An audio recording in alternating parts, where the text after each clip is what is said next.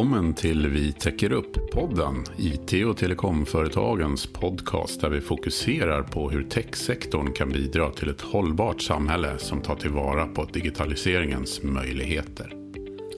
Till podden bjuder vi in intressanta gäster för att samtala om vägen mot framtiden och prata om hur digitaliseringen kan hjälpa människor, företag och samhälle för att nå sin fulla potential. Vi tittar på hur ny teknik och innovativa lösningar kan utveckla verksamheter och affärer och öka tillgänglighet och effektivitet inom både privat och offentlig sektor. För jobben, välfärden och ett hållbart samhälle. Vi är en bransch som möjliggör för en världsledande techsektor i Sverige. Dagens gäst i Vi täcker upp-podden är ingen mindre än vinnaren i årets AI-svensk 2020, Marcus Lingman, överläkare och strateg i Region Halland. Men innan vi släpper in Marcus säger jag varmt välkommen till Åsa Zetterberg, förbundsdirektör på IT och telekomföretagen. Välkommen Åsa! Tack så hemskt mycket! Det är en stor dag. Dagens avsnitt kommer att handla om artificiell intelligens och den potential som finns i nyttjandet av AI. Vad kan AI bidra till? Precis, eh, och det går ju nästan inte att sammanfatta i en enda mening skulle jag säga. Vi vet att det har en stor potential eh, och framförallt i grunden är det så, så viktigt för oss för att vi ska kunna vara konkurrenskraftiga och på det sättet klara jobben, kunna utveckla välfärden och även ta nytta av ny teknik för att klara klimatanpassningen. Man pratar ju om att AI faktiskt är den teknik som har, kommer ha allra störst påverkan av alla nya tekniker man jämför det med vikten av elektricitet och så vidare. Och att det på så sätt också är då väldigt avgörande för vår framtida välfärd och konkurrenskraft. Så att potentialen med AI eh, är enorm, det vet vi. Det finns mm, fantastiska möjligheter i att göra saker smartare, effektiva, få bättre beslutsunderlag, kunna förebygga, förutse olika saker, optimera, eh, om det så är trafik eller organisationer eller arbetssätt på ett klokt på ett klokt vis och dra slutsatser till exempel när det gäller diagnoser inom, inom hälso och sjukvården. Så att det, det finns väldigt många stora potentialer. Man har till och med beräknat det, att det är en potential på uppemot 140 miljarder årligen inom offentlig förvaltning till exempel. Eh, så att eh, det, det, finns stora potentialer med, med att använda AI eh, och eh, att vi hittar hållbara sätt att göra det och ta ansvar för att det används på ett vettigt och klokt sätt framåt. Men hur bra är då Sverige på att eh, ta tillvara på AI-tekniken? Ja, eh, det finns olika rapporter som visar på att det är många andra länder som går före, eller framförallt är det väl också de, de riktigt stora nationerna i form av, av USA och Kina som springer snabbt och också de stora bolagen, de stora techbolagen.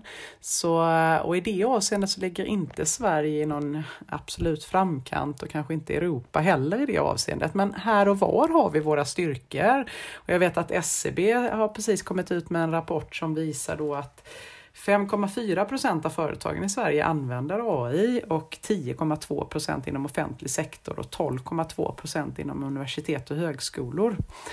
Men, men vi får nog ändå inse att vi, vi har ingen tätposition. Vi behöver ha en mycket starkare position, framförallt att komma till nyttiggörandet och använda detta av AI. Och det här kan vi nog faktiskt ha en, ha en väldigt stark möjlighet att bli bland de bättre i, i världen och framförallt bra för vår egen skull just för att få till en ännu bättre användning i välfärden och, och för, eh, för konkurrenskraftens skull. Men vad är det då som behövs göras för att vi ska bli bland de bättre?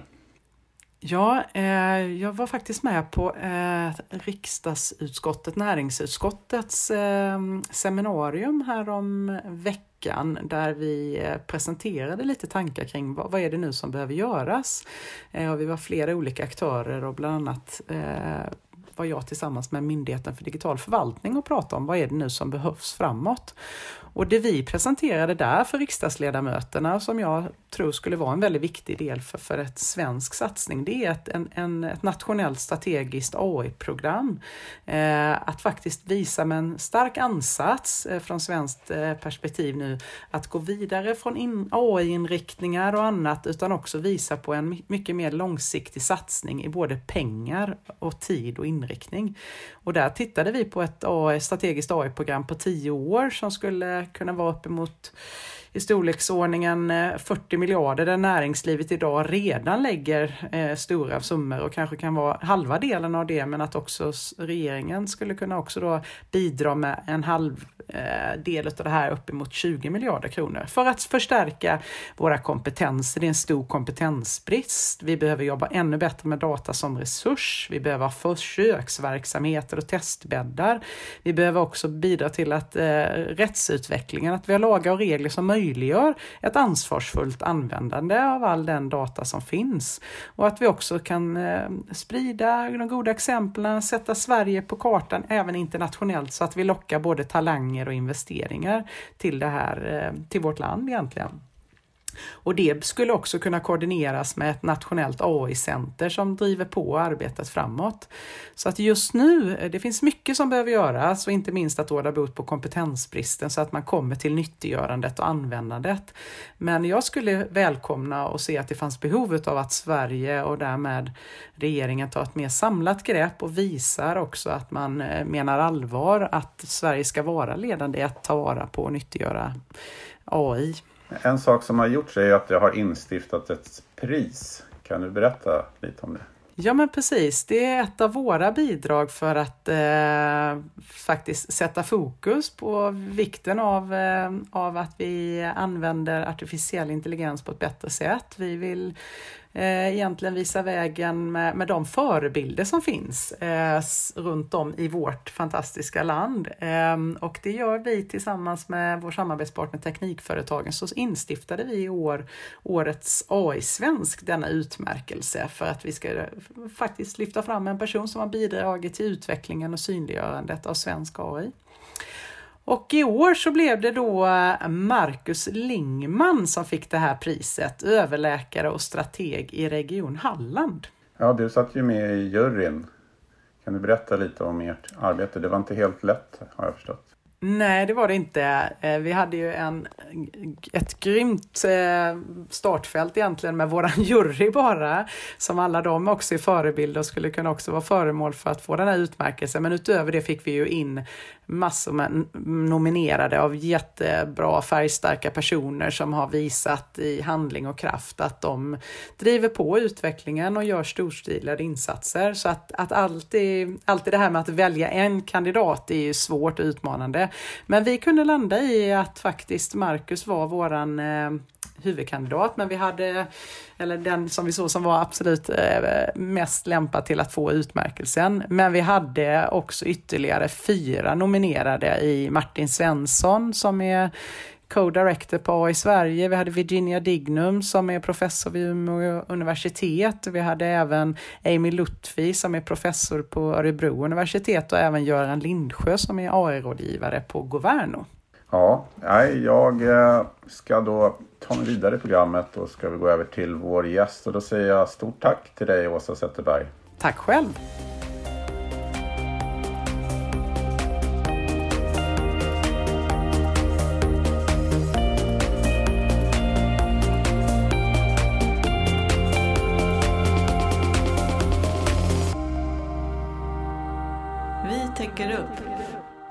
Hälsar jag Marcus Lingman, årets AI-svensk. Välkommen till Vi täcker upp-podden. Tackar.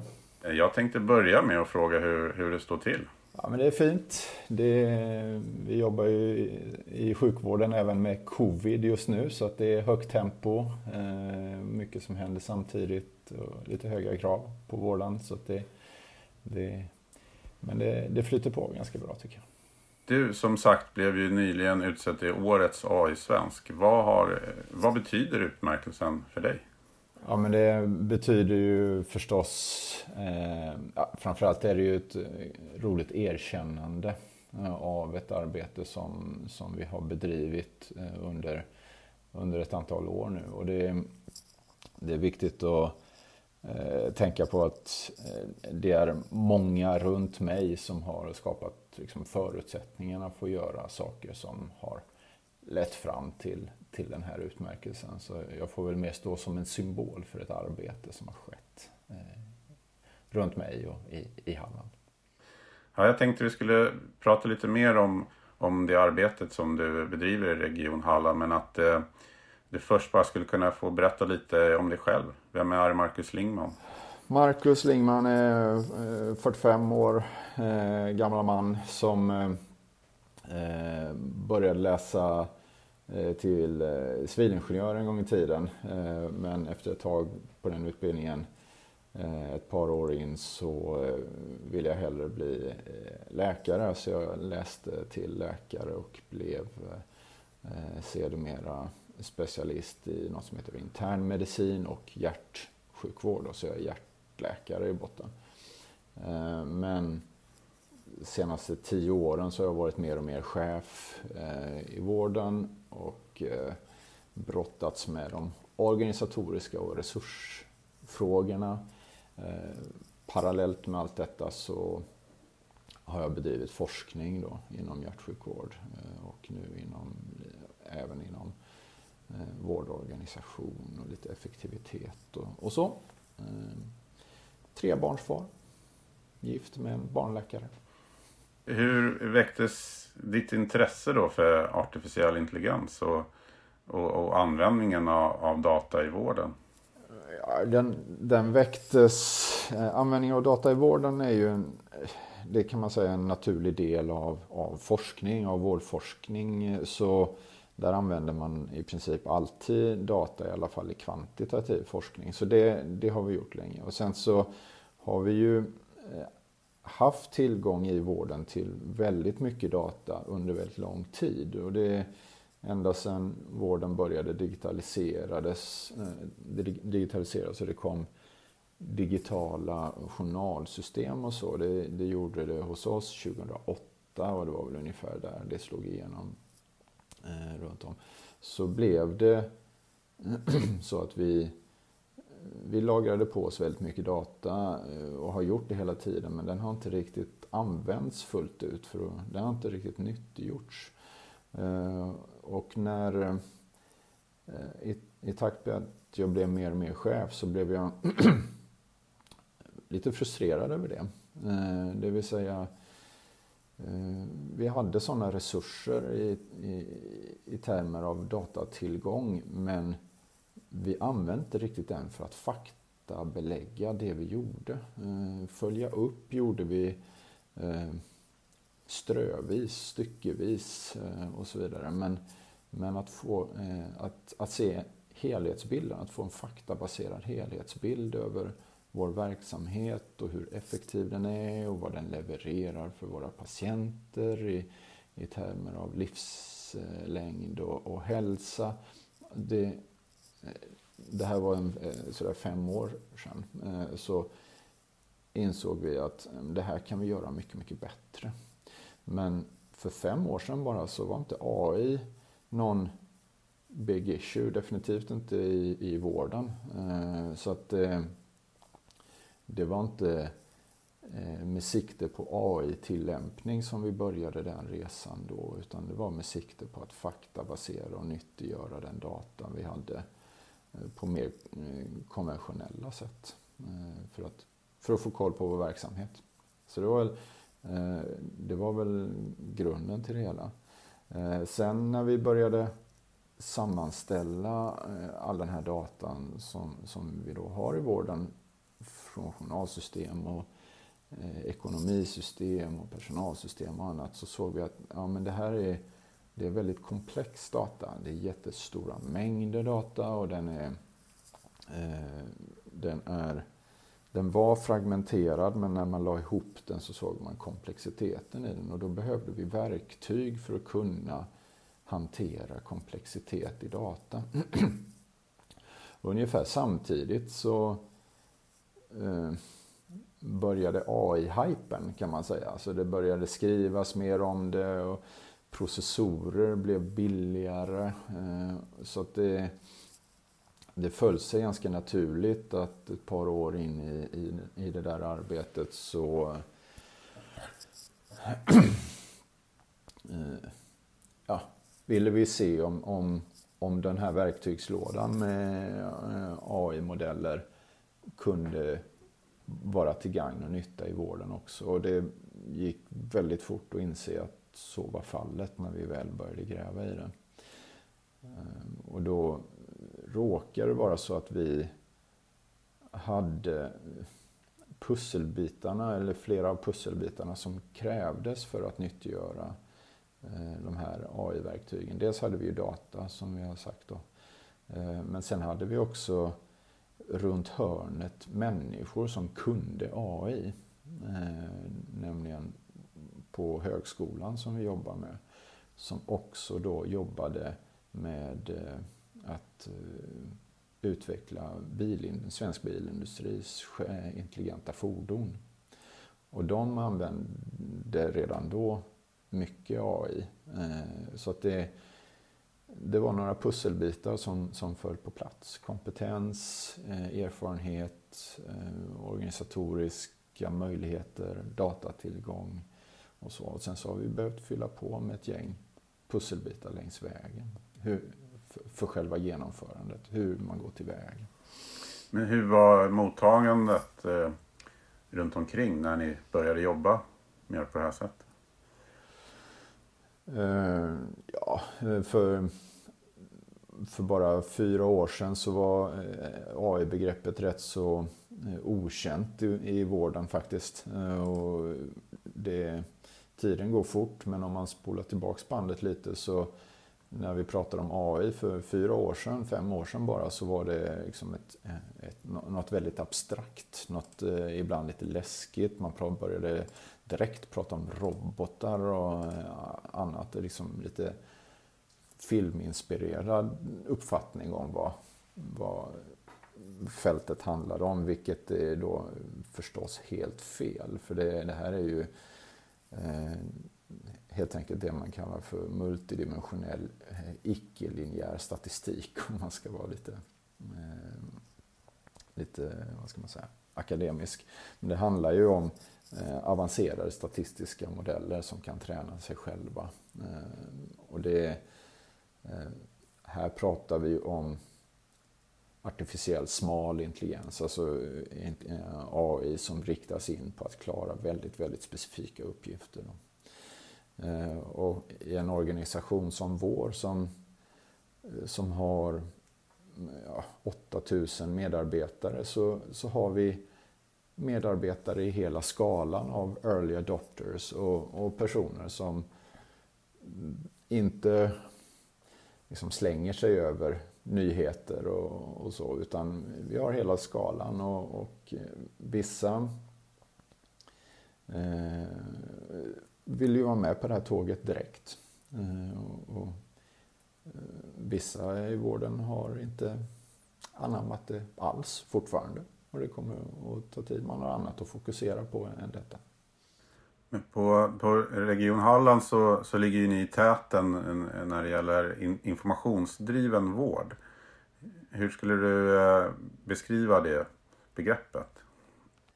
Ja, informationsdriven vård eh, skulle också kunna betecknas som eh, datadriven vård eller faktabaserad vård. Och det, i grund och botten handlar det om att eh, ta hand om all den här eh, data och den kunskap vi har kring det för att göra om den till fakta.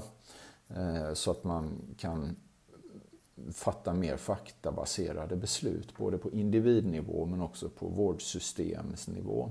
Så både som kliniker, läkare, sköterska men också som, som chef och ledare i vården. Så det, eh, det är egentligen det eh, det handlar om. Men för att nå dit så behöver man göra en massa saker, bland annat eh, bygga eh, datamässiga förutsättningar för det. Och traditionellt så har, så har alltså vi har i, i Halland bara flera hundra mjukvarusystem, journalsystemen ett av alla dessa, som hela tiden genererar data. och det, men den den är ofta, och har varit i alla fall, väldigt silostrukturerad. Så att ekonomidatan från mjukvara, ekonomimjukvaran har legat i sitt hörn och sen så har journalsystemens data legat i sitt hörn och så. Men det är ju först när man lägger samman allt detta som man får helhetsbilden och som man kan koppla medicinska resultat till resurserna som krävdes för att, för att nå fram till de resultaten. Och, och kan man inte det, då vet man ju egentligen inte om man är effektiv eller inte. Eller säker eller inte. Så det handlar om att kunna följa eh, patienterna genom hela vårdsystemet. Så att man skapar en faktabaserad förmåga att få det hela, hela vårdkedjan att hänga ihop. Eh, och det handlar om att göra om data till information. Men, eh, och det är ofta det vi beskriver på dashboards och, och annat. Men eh, inom fältet business intelligence. Då. Men business intelligence är ofta retrospektiv. Liksom man tittar på vad som har gjorts. Eh, man tittar på staplar över de senaste månaderna och så tänker man sig att ja, men det går uppåt eller neråt eller det är mycket eller lite. Men, men det som händer nu det är att vi blandar in computer science i det, vilket är prospektivt, det vill säga framåtsyftande. Eh, att börja agera på eh, prognoser och förutsägelser istället för att agera på hur läget är här och nu. Eh, och då innebär ju det att man kan börja motverka saker innan de inträffar. Bland annat.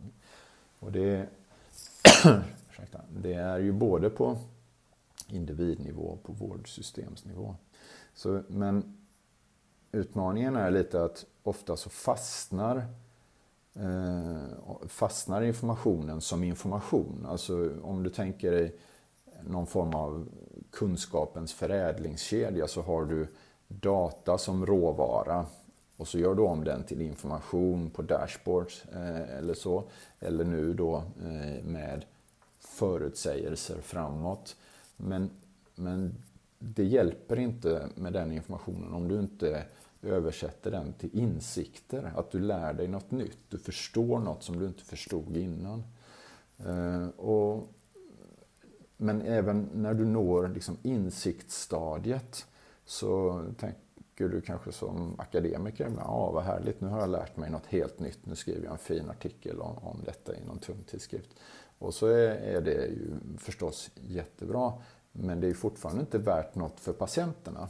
Eh, för, att, för att det ska bli värt något för patienterna så måste du ta nästa steg i liksom kunskapens förädlingskedja och det är att översätta insikterna till ändrade arbetssätt, ändrade beteenden, ändrade sätt att behandla.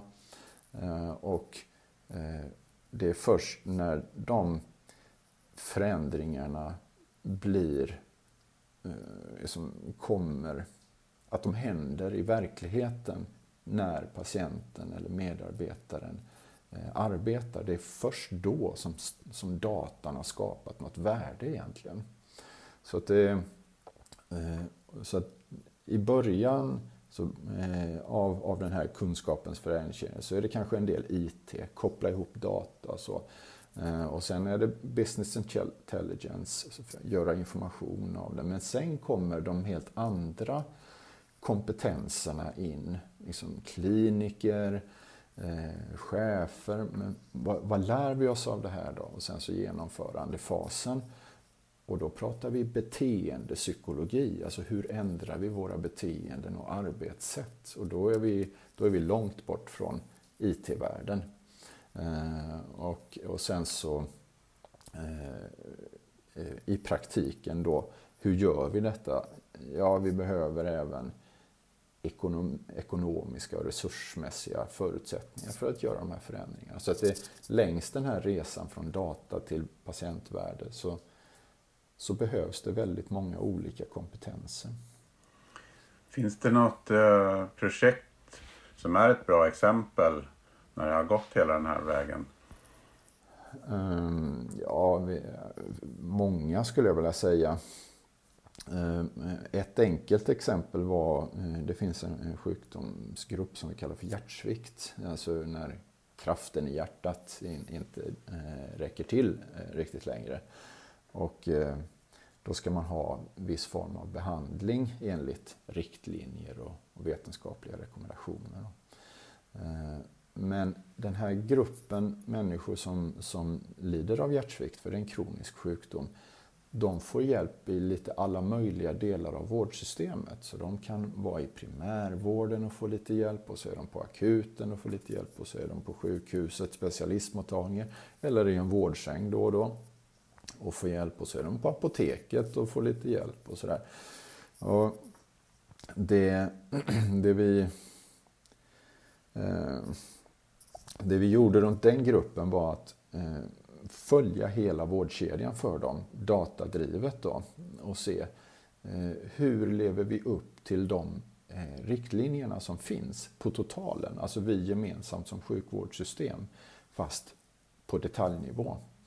Eh, och kunde se då att eh, de som fick ett sammantaget omhändertagande som var i linje med eh, de övergripande vetenskapliga riktlinjerna, de mådde bättre och trots att de fick mer läkemedel som i sig kostar en del pengar så var den totala kostnaden för gruppen mm, som fick riktlinje följsam eller riktlinjebaserat omhändertagande mycket lägre. Så trots att vi gav dem mer läkemedel så hade, var totalkostnaden lägre för dem. Då. Eh, och det roliga var ju att kostnaderna var lägre till följd av att de mådde bättre. Det vill säga de behövde inte ligga på sjukhus så mycket. Så att det, och det här, det här har ju ingenting med AI att göra utan det handlar ju bara om att att ha en förmåga att följa, se hela vårdkedjan ur flera aspekter samtidigt. Det vill säga hur det går för patienten, vad, vilken aktivitet vi har runt om, men också vilka resurser som åtgår. Ehm, och den typen av analyser som då har lett till eh, att vi har skrivit om rutiner och vårdriktlinjer för att vägleda Eh, och, bli noggrannare i omhändertagandet. Det har vi gjort eh, liksom, flera olika, i olika projekt. Som jag sa tidigare så, så ligger ni på Region Halland långt fram när det kommer till det här. Vad, vad skulle du eh, kunna råda andra regioner för att de ska kunna närma sig er eller börja jobba på samma sätt?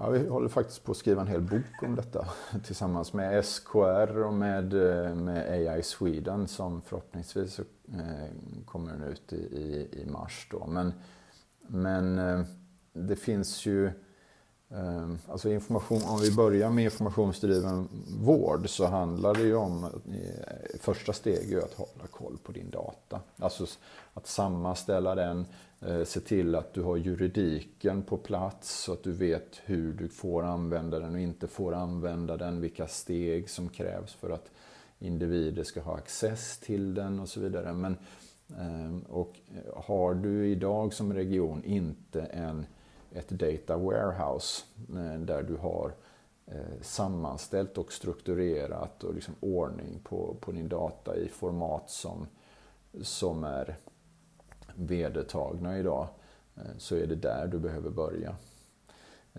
Vi gjorde det, det tog ett år för oss. Under det året skapas ju nästan inget synligt värde, men det är ett viktigt första steg. Eh, och sen byggde vi något som heter Centrum för informationsdriven vård runt det datalagret kan man säga. Eh, och i, i det centrumet så har vi då förutom personer som, som eh, kan själva datalagret så har vi också eh, kopplat till det eh, jurister, chefläkare, forskare, alltså alla de här personerna, alltså ekonomer, som jag nämnde eh, längs den här kunskapens förädlingskedja innan. Att eh, de är kopplade dit så att man, man eh, kan jobba tillsammans. Och det är väl egentligen den största utmaningen när, vi, när man ska utveckla eh, vård eller vårdsystem, det är att eh, förstå varandras språk. Eh, det vill säga klinikern som har sin bild av hur man ska ta hand om en, en hjärtsviktspatient till exempel. Eh, måste kunna prata med computer science-människorna om det. Eh, så att de gör rätt analyser och så måste man eh, kunna beskriva det eller förstå vad juristerna säger när de eh, säger att ja, det här är alldeles utmärkt tillåtet att göra. Det här är något ni bör göra inom hälso och sjukvårdslagens eh, paraply eller här går gränserna för patientdata. Så att, det, att, att samla det här de här kompetenserna och få dem att jobba tillsammans. Det är steg två. Så först är det liksom det tekniska datalagret och sen så har vi eh, det gemensamma teamarbetet som, som steg, eh, steg två. Och sen så eh, när, när det handlar om AI då det är ju steg tre, eller det är nästan grädden på moset. Eh, det kan du ägna dig åt när du har gjort de här första stegen eh, först. Då.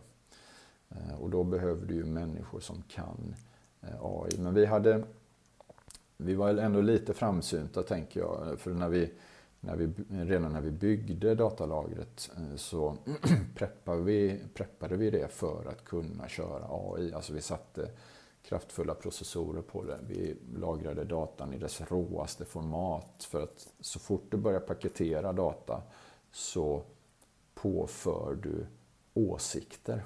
Det är ju det du gör när du sätter, vi tycker att vi ska beskriva data på det här och det här sättet. Men varje åsikt är en, en, en mänsklig influens som inte alltid är av godo. Då. Eh, man, man förvränger data när man, när man eh, strukturera den, så man måste göra det väldigt, väldigt eh, försiktigt. Eh, så, men, men vi la också eh, mjukvara direkt på datalagret. Alltså eh, mjukvara som Python och, Matlab och R och den typen av, av AI-kompetent mjukvara. Eh, så, att, så att vi inte behövde transportera datan för analyserna för då tappar man analyskraft helt enkelt.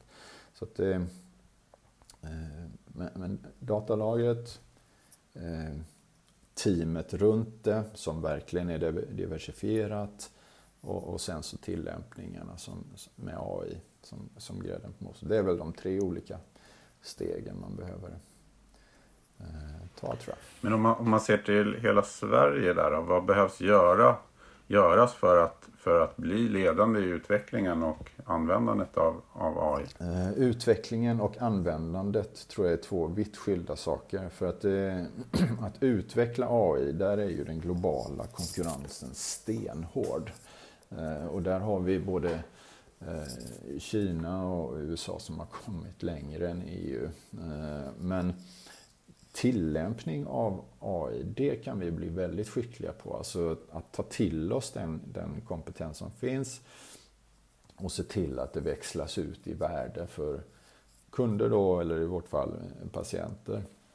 Och värdet för, för dem eh, är ju livslängd och hälsa helt enkelt. Så att det, men, så att tillämpningssidan tror jag vi kan bli mm, kanske världsledande på.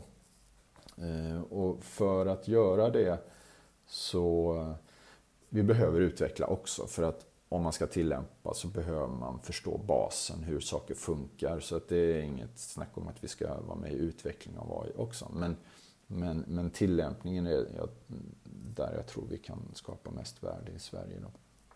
Eh, och det, eh, vad krävs för det? Ja, en sak är ju chefer och ledare, både, även på politisk nivå som intresserar sig lite grann. Alltså som förstår, eh, förstår detta eh, på något mer än en ytlig, eh, ytlig nivå. Då. Och sen så behövs det kompetens. Och det är ju en bristvara eh, tyvärr. Alltså AI-kompetens är en bristvara. Computer science-kompetens är en, en bristvara i i, i Sverige eh, och inte minst i vården. Det är därför vi har haft det så väl förspänt att ha en högskola som vi har kopplat till direkt. Där vi sitter och har idag 50 50 forskare som också jobbar eh, delvis med liksom, tillämpning och med oss i, i, på rikt, i, i den riktiga vården. Så att säga. Eh, så att det, Eh, det behövs kompetens, pengar i viss mån, men, men det är inte det, det som är den mest begränsande faktorn. Sen så måste man göra en sak till och det är att koppla ihop kompetensen med datan. För en, en med kompetens inom computer science eh, genererar väldigt, väldigt lite värde eh, om man inte får jobba med, med, med datan på riktigt. Eh, och det är väl en frustration hos många idag att man sitter på även den kompetens man har nyttiggörs inte. För man befinner sig inte i rätt sammanhang, det vill säga där datan finns.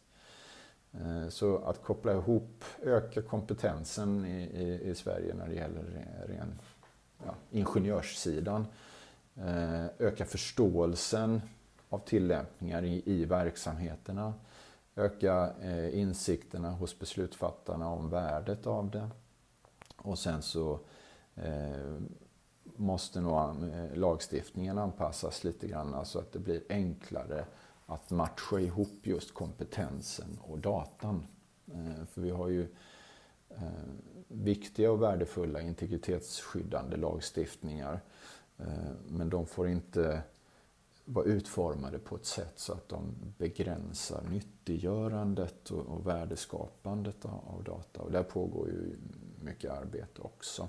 Eh, och insikterna ökar, inte minst på EU-nivå. Jag var själv i EU-parlamentet på en tre timmars hearing förra veckan och pratade eh, på det här temat tillsammans med politiker och andra beslutsfattare.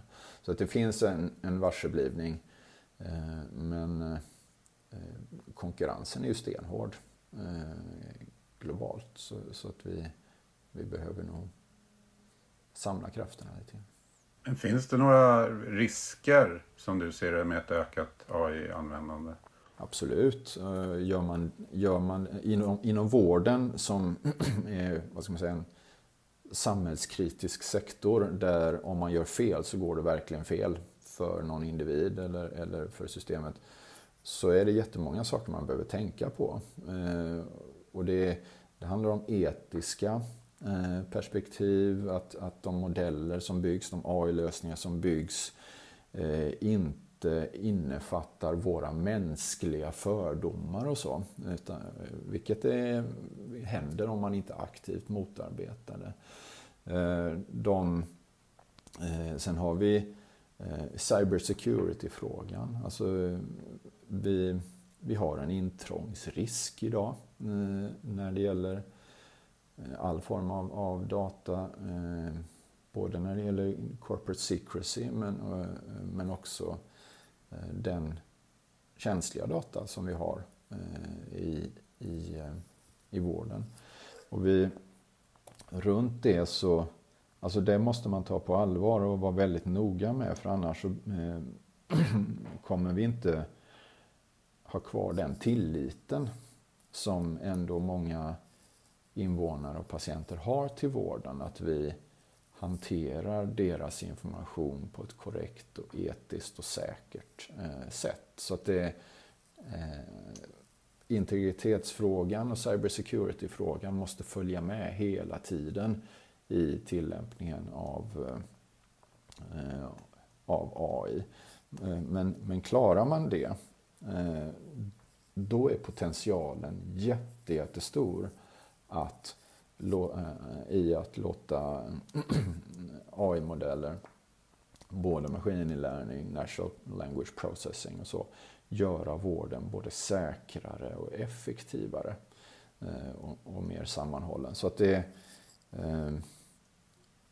det kan inte gå för fort för att vi kan inte äventyra liksom, säkerheten i, i systemet. Men, men eh, vi måste ändå samtidigt utnyttja de möjligheter som finns. Eh, och de är, de är ju enorma. Och sen, det är ju också så att eh, svensk life science-industri är beroende av eh, hälsodata. Eh, de behöver, den industrisektorn som är en ganska stor sektor i Sverige med hela vårt läkemedelsbolag och med medtech eh, sidan av life science. De är ju helt beroende av att man kan hantera data idag, även känslig data. Eh, så att det, eh, vi behöver en, en lagstiftning som på något sätt bo, eh, han, beaktar båda perspektiven, både nyttjandeperspektivet och skyddsperspektivet. Och där, där behöver göras en del jobb. Faktiskt. Vad tror du då om den, om den fortsatta utvecklingen, om du skulle sia lite grann för AI? Inom vård eller allmänt? Eller? Inom, inom vården.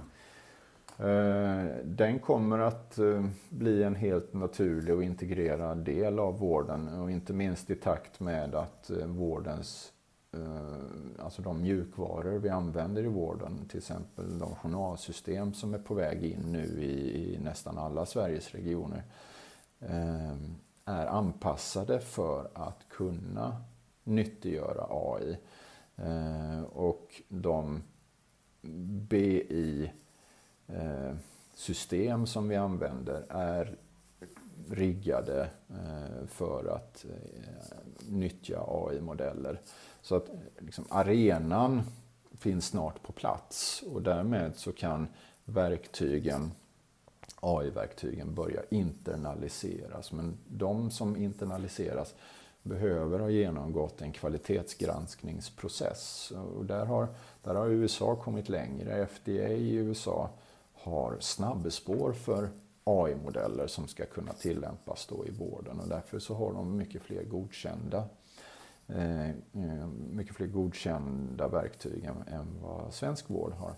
Eh, och där eh, i, i EU så kommer under maj eh, Medical Device Regulations som, eh, som beskriver vad eh, medicintekniska produkter i vården. Och AI, AI-modeller är att betrakta som en medicinteknisk produkt. Och, eh, vad som ska eh, ske för att ett, en sån medicinteknisk produkt eller modell eh, Eh, ska kunna CE-märkas eh, och, och därmed eh, vara accepterad för tillämpning i vården. Men utmaningen där är att den är inte riktigt, den regulatoriska strukturen i EU när det gäller medical device är inte anpassad till AI utan mer konventionell teknisk utrustning. Då.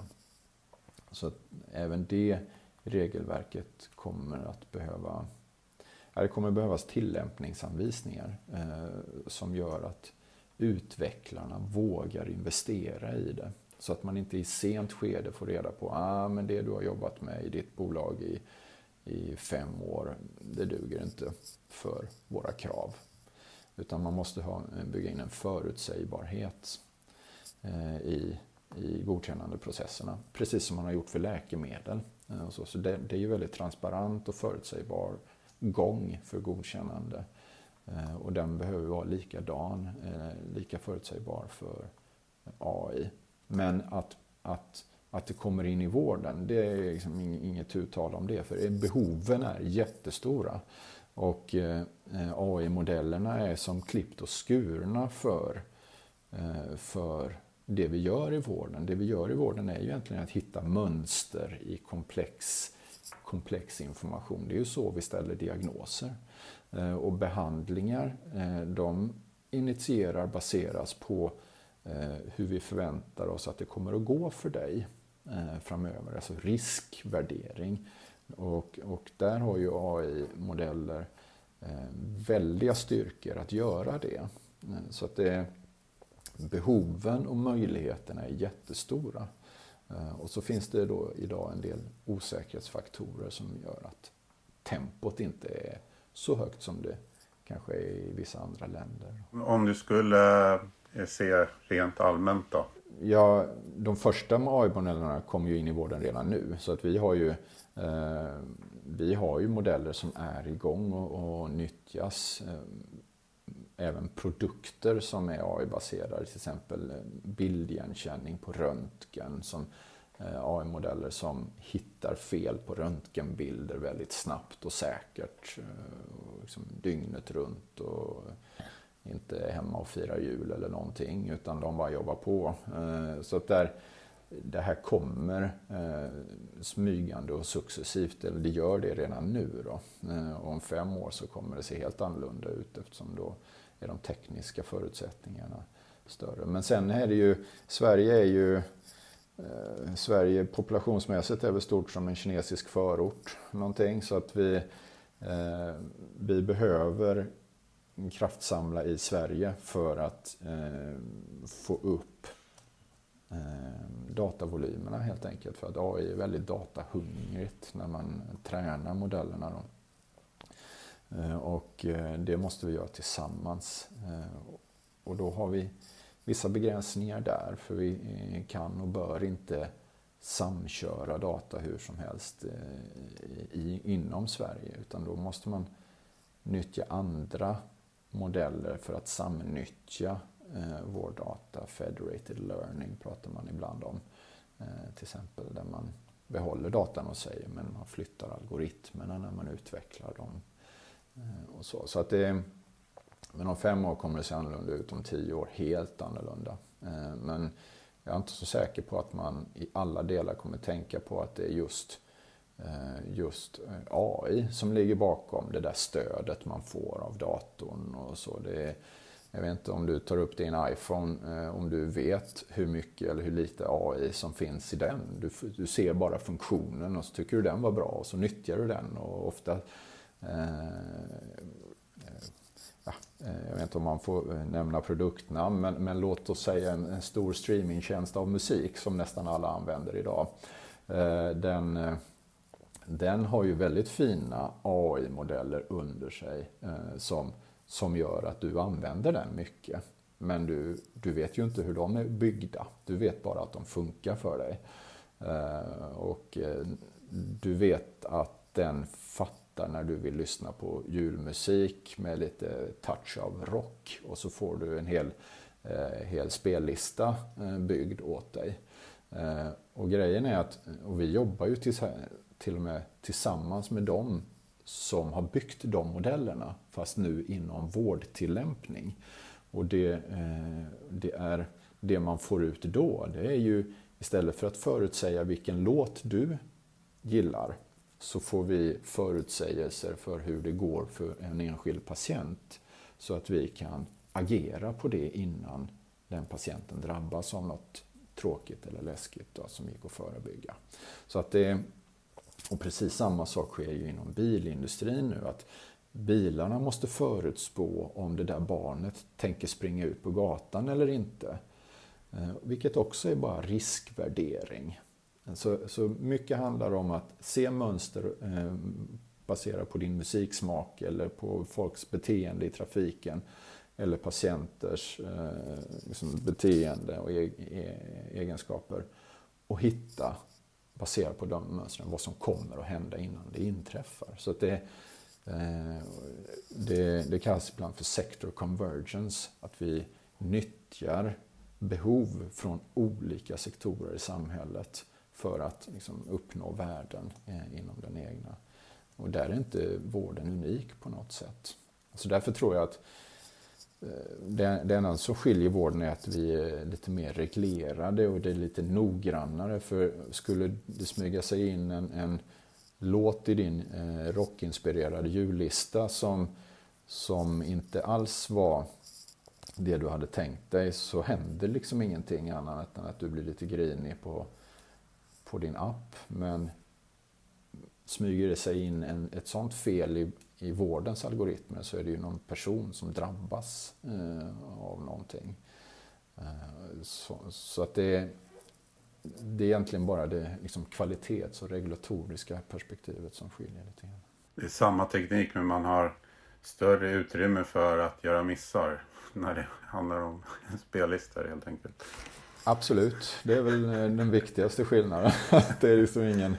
Det, eh, man väljer en annan låt istället. Det är liksom det, det priset man betalar. Men, men eh, när det gäller människors hälsa så finns det ingen annan låt att välja. Liksom, utan det, man har sitt liv och sin hälsa och, det är det man, och då måste det funka. Och därför så blir kraven eh, högre och då, därmed blir det mer tidsödande att utveckla och, mer, och dyrare. Men det betyder inte att värdet av det minskar utan tvärtom så, så är det precis den typen av, av liksom mönsterigenkänning och, och förutsägelse som vi behöver i vården för att kunna rikta våra resurser till rätt individ där den, där den kommer att göra nytta. Så att det, ja, det är oerhört spännande att se de här synergieffekterna och det gör också att för Sverige är ju ganska duktig på spe, inom spelindustrin eh, och inom musikindustrin och, och, så. Det är lite frustrerande att de här fina avancerade eh, teknikerna används till de ändamålen i jättestor utsträckning men inte till eh, det jag tycker är roligast att jobba med och mest meningsfullt och det är liksom att förlänga människors liv och, och göra deras hälsa bättre. Så att, de, eh, så att de kan spela eller vad de nu vill ägna sitt, sitt friska liv åt. Men, men eh, det är oerhört meningsfullt jobb att internalisera AI i vården i alla fall. Det ska bli oerhört intressant att, att fortsätta följa den här utvecklingen då och inte minst hos er på Region Halland? Ja, absolut. Vi kommer att fortsätta. Men vi kommer också försöka göra det i så mycket samarbeten som vi kan.